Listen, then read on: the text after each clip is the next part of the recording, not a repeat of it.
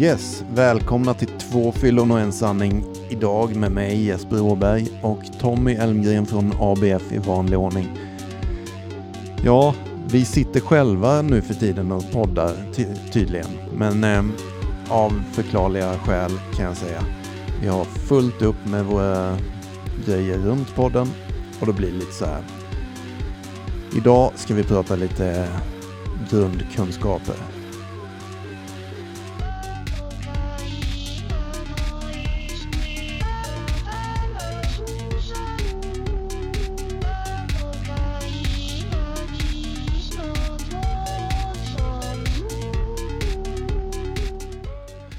Yes, som sagt, jag tänkte vi ska gå igenom lite enkla handfasta tips och, och tricks, eller vad vi nu ska kalla det. Det finns så här när man, när man eh, går på behandling kanske man kommer in. Ofta då så står det tolvstegsprogrammet står på väggen. Det kan också vara så. Eh, där kommer jag av mig lite. Det är tydligen någon som sitter och spelar orgel här våningen under mig. Men det, det blir mysigt. Det kör vi på. Eh, men eh, vad var vi då? Jo, men kommer du in på behandling exempelvis så är det givetvis så väldigt ofta att tolvstegsprogrammet står på väggen. Det finns också något som heter deviser som eh, kommer också ifrån tolvstegsrörelsen. Då. Och de kommer du se även om du går på ditt första möte. Då. Och vi är noga med att skilja på det här.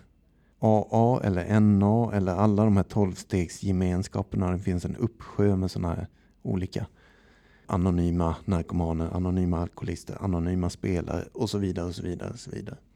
Men på de här mötena så står tolvstegsprogrammet på allas väggar. Det är liksom grundfundamentet i hur gör vi för att bli nyktra eller få ett bra liv i nykterheten. Inte bli nyktra, för det, det kan de flesta bli. Men det är ju den här kvalitativa nykterheten vi vill åt.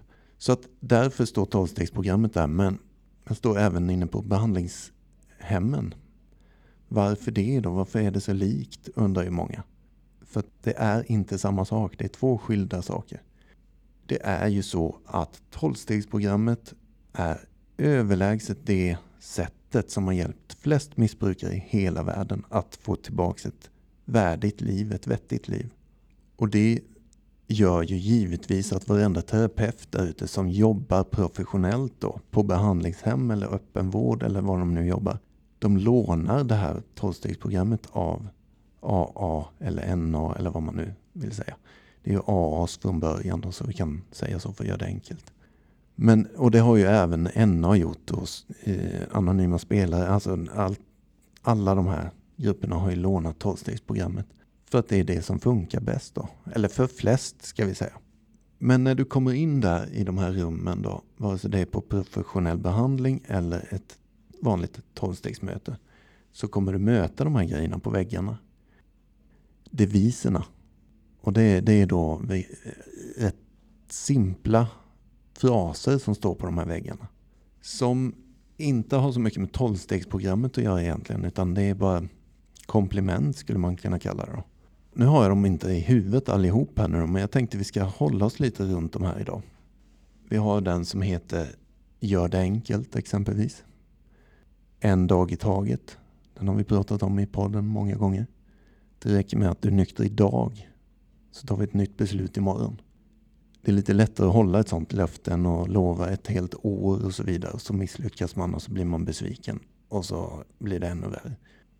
Men eh, de här grejerna är som små påminnelser av vettiga basic förhållande, eller förhållningssätt hur jag ska leva min vardag egentligen, hur jag ska tänka i vissa lägen. En av dem som jag tänker först på här nu, det är det viktigaste först. Och när jag kom in i behandling en gång i tiden så stod ju den där på väggen där då. Och jag tänkte, vad fan var det viktigaste först? Jag har hundratals problem i mitt huvud. Jag, fan, vad är viktigast då? Så börjar man gå på möten till slut och när behandlingen är slut så tipsar de får du gå på möten om du vill bibehålla din nykterhet och så vidare.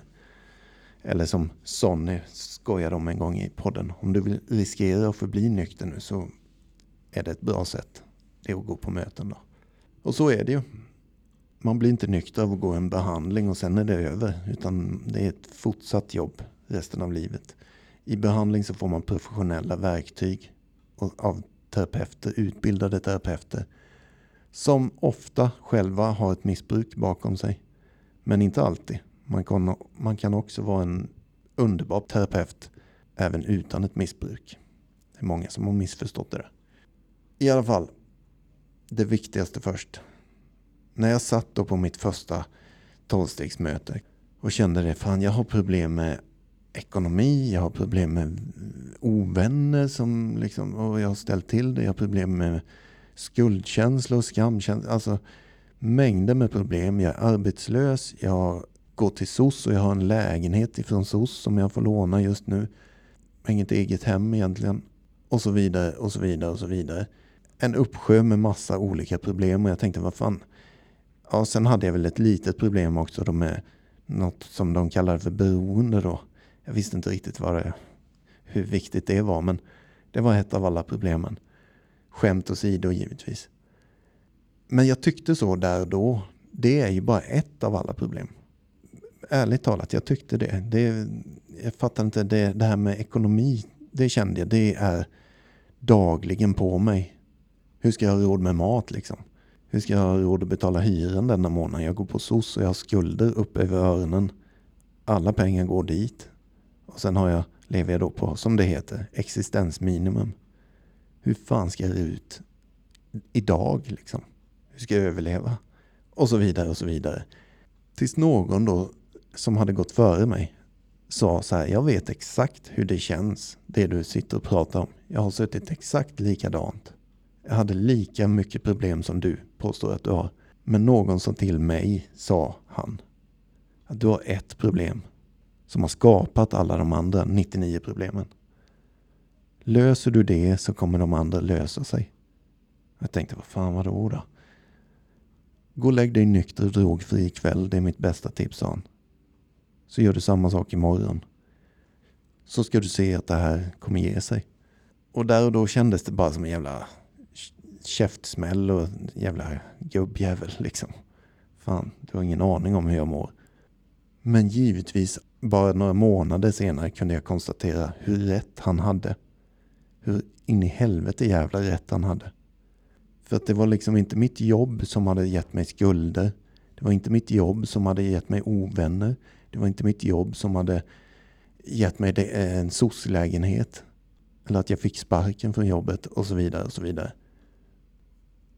Det var alkohol och droger som skapade problem med ekonomi, problem med vänner, problem med tjejer eller vad fan det nu var.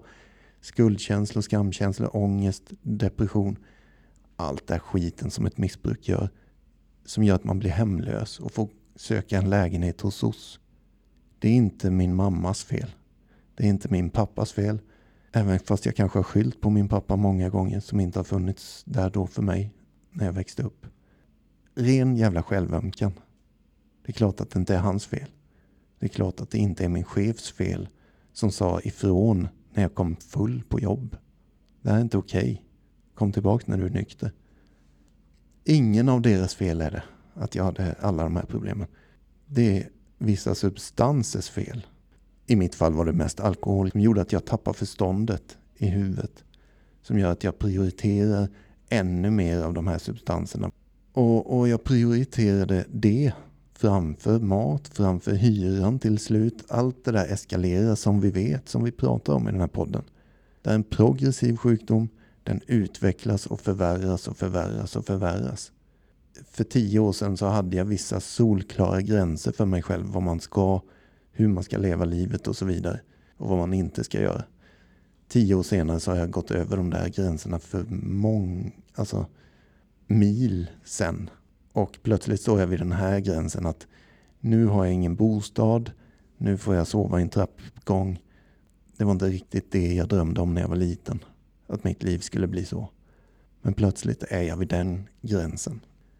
Så det viktigaste först i, den här, i det här som vi pratar om i den här podden, det är givetvis nykterhet och drogfrihet i alla lägen. Jag såg någon sån här grej swisha förbi här om eh, veckan på sociala medier. Någon sån här meme, ibland är de bra, ibland är de bara töntiga. Men då stod det något i form, det stod på engelska och jag kommer inte återge det på engelska, men på svenska, att eh, bibehålla din nykter och drogfrihet, då räcker det inte med att du gör ditt bästa. Då krävs det att du gör allt som står i din makt varje dag. Och så är det. Jag fick lite så här gåshud när jag såg det. Jag kan inte återge det lika bra som den där texten. Men det krävs allt som står i din makt. Inte bara att göra sitt bästa, som många kan tro. Det räcker liksom inte. Utan, och det, det, jag kan fan i mig sitta rak i ryggen och påstå det också att jag får flashback nu med Danne. Danne och jag, vi cyklade då i Kalmar. Vi bodde i Norrliden på den tiden. Ni som vet. Cyklade in till stan. Det är ingen big deal, men vad kan det vara, sex kilometer eller något. För att gå på våra tolvstegsmöten varenda kväll då. Vi gick varje dag i veckan i stort sett. I början där, för vi, vi var desperata. Det här måste, det här måste funka liksom. I snöstorm, i regnväder, i allt sånt där. Och eh, jag hade ingen bil. Danne, vet inte fan om han hade han blev av med sitt körkort och sådana här grejer. Eller varför det var vi inte åkte bil eller buss. Skitsamma. Men det var den inställningen vi hade också. Vad fan som än krävs. Jag ska på möte ikväll. Och jag gjorde det viktigaste först. Tog hand om det problemet. Och jag tänker så här. Vi, vi ska gå vidare lite. Och vi smyger igång lite musik i bakgrunden. Och, eh, för vi ska byta ämne så småningom. Så varsågoda.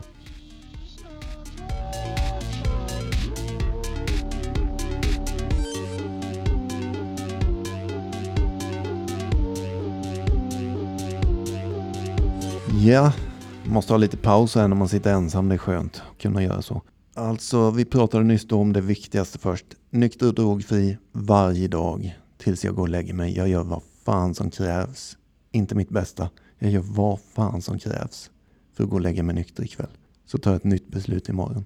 Detta givetvis, jag glömde säga det, det blir, nu bytte vi inte ämne, nu fortsätter jag på samma. Det här givetvis gör ju motsatsen.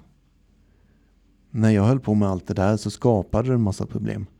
När jag avbryter det så kommer en massa lösningar helt plötsligt. Det gynnar mina barn. Det gynnar mitt jobb. Det gynnar min omgivning. Det gynnar mig själv. Det gynnar alla att jag är nykter och drogfri, givetvis. Varför jag ville poängtera detta lite obs liksom. Det, det låter sjukt. Men för mig för 18 år sedan så hade jag inte ens de här orden jag nyss sa i huvudet. Jag såg inte att så enkelt är det. Så uppenbart logiskt är det. Att om jag ger fan i den där skiten som jag tyckte var ett av alla problemen så kommer mitt liv bli bättre. Det fanns inte i min värld. Jag såg inte det självklara liksom. 18 år senare nu så är det nästan pinsamt att erkänna att så var det. Men som sagt, vi ska gå vidare. Jag tänkte vi skulle ta en sak i taget, heter en av deviserna också. Och det, det låter så här, exempelvis en sån som Freddy då, som är fullproppad med ADHD eller vad han nu har för någon energi. Så kan ju en sak i taget låta jävligt drygt och långsamt och tråkigt för att vi som missbrukare, vi är vana vid att vi ska göra 20 000 saker samtidigt, helst igår ska det vara klart. Det är så typiskt missbrukspersonlighet. Och att bryta ner det då och tvärnita i den hastigheten och inse, komma in på de här mötena och se det en sak i taget. Det är så det vänder sig i magen liksom. Fy fan vad tråkigt det lät. Men återigen då så fick jag se det och lära mig, höra någon annan som har gått före, hur den såg på det. Min sponsor som jag hade en gång i tiden, min första sponsor, jag har haft fler sponsorer och jag har en ännu en sponsor idag då. Som vägleder mig, som jag ringer och bollar ibland med. Sådär, hur fasen ska jag göra i det här vägvalet? Livet pågår fortfarande än idag. Jag är nykter och drogfri, tack och lov. Men att ha någon att bolla med ibland som känner mig innan och utan. Det, det är magiskt. Det är fantastiskt. Min första sponsor sa många kloka saker till mig. Bland annat så sa han just det här. För jag, jag, hade med mig lite, jag förde lite dag, dagliga anteckningar kan man säga. Ingen dagbok, utan anteckningar. Kom ihåg det här idag och så vidare. Jag vägrade köpa en kalender kan jag tillägga sådär, för det, det var för töntigt. Utan jag hade bara ett skrivblock inne i fickan. Jag kan faktiskt säga så här, i den där anteckningsboken, jag har sparat två av de här fyllda böckerna. Och vad det står på de där varje dag, det är nästan hemskt att läsa idag. Och pinsamt att erkänna. Men så här var det, jag fick skriva upp alltså. Bädda sängen. Borsta tänderna. Läs dagliga reflektioner och ta ditt dagliga beslut. De simpla sakerna varje morgon stod uppskrivet kvällen innan hade jag skrivit ner det. För att så är det i ett missbruk. Inte för alla, men för mig var det så. Det var saker som jag sket i. Bädda sängen, jag hade knappt en säng. Borsta tänderna, jag vet inte om jag alltså, ni kanske säkert känner det. Ska jag prioritera och gå och köpa en tandborste i det läget jag var i? Nej, knappast. Jag har viktigare saker, tyckte jag.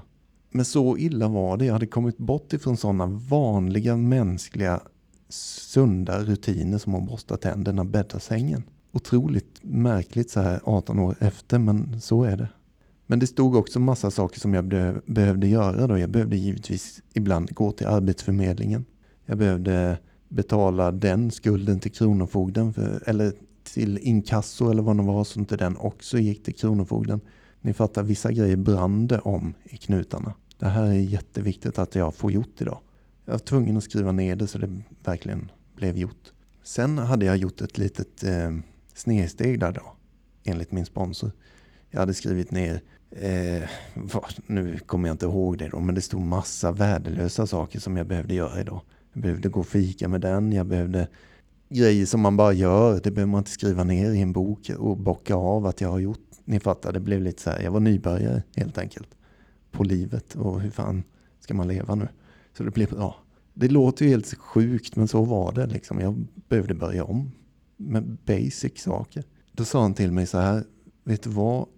Det står en sak i taget där på möteslokalen på kvällarna när vi sitter där. Har du tänkt på det? Ja, jo, det, det har jag tänkt på. I din lilla anteckningsbok här så står det 20 saker som du ska bocka av varje dag. Tre av dem där uppe, de, det kanske är de viktiga. Din nykterhet såklart, borsta tänderna, bädda sängen om det nu är det.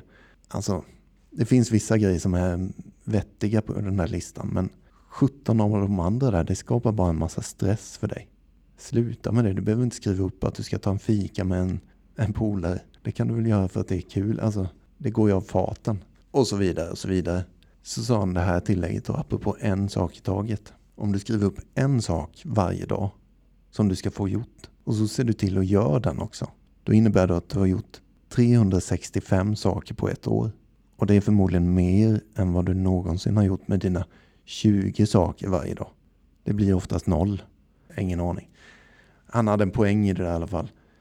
En sak i taget. Han bröt ner det till en dag i taget också och blandade in det då.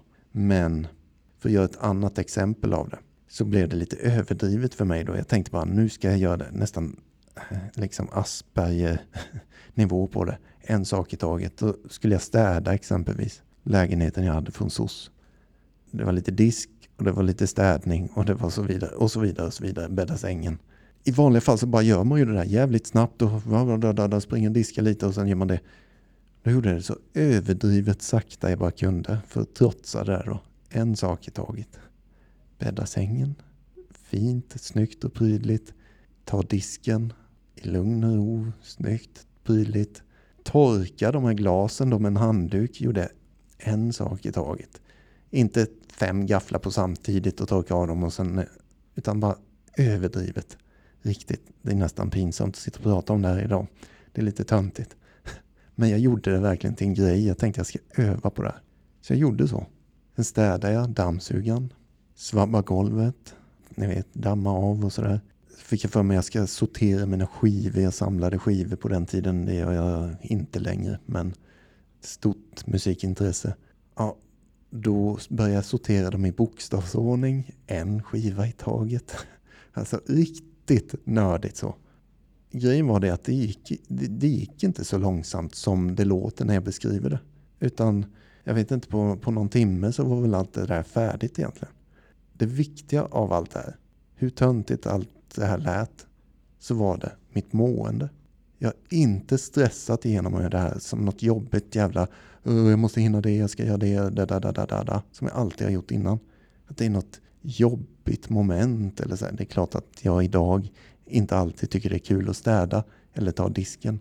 Men att göra det på det sättet, det kan ju, för mig var det uppenbart, det var tydlig skillnad på hur jag mådde. Harmoniskt nästan till. Och lite trevligt, lite mysigt, lite... Och man, jag tror till och med att äh, till och med då kunde jag skratta åt mig själv i stunden. Vad fan håller jag på med? Det här lite väl. Men so what? Vem fan bryr sig? Lägenheten blev tipptopp. Det tog kanske en timme istället för 45 minuter superstressad. Vad det nu var. Ja, ni är med. Fånigt exempel, men nu tänker jag faktiskt göra så att vi kör igång lite musik i bakgrunden här för nu ska jag andas lite och byta ämne.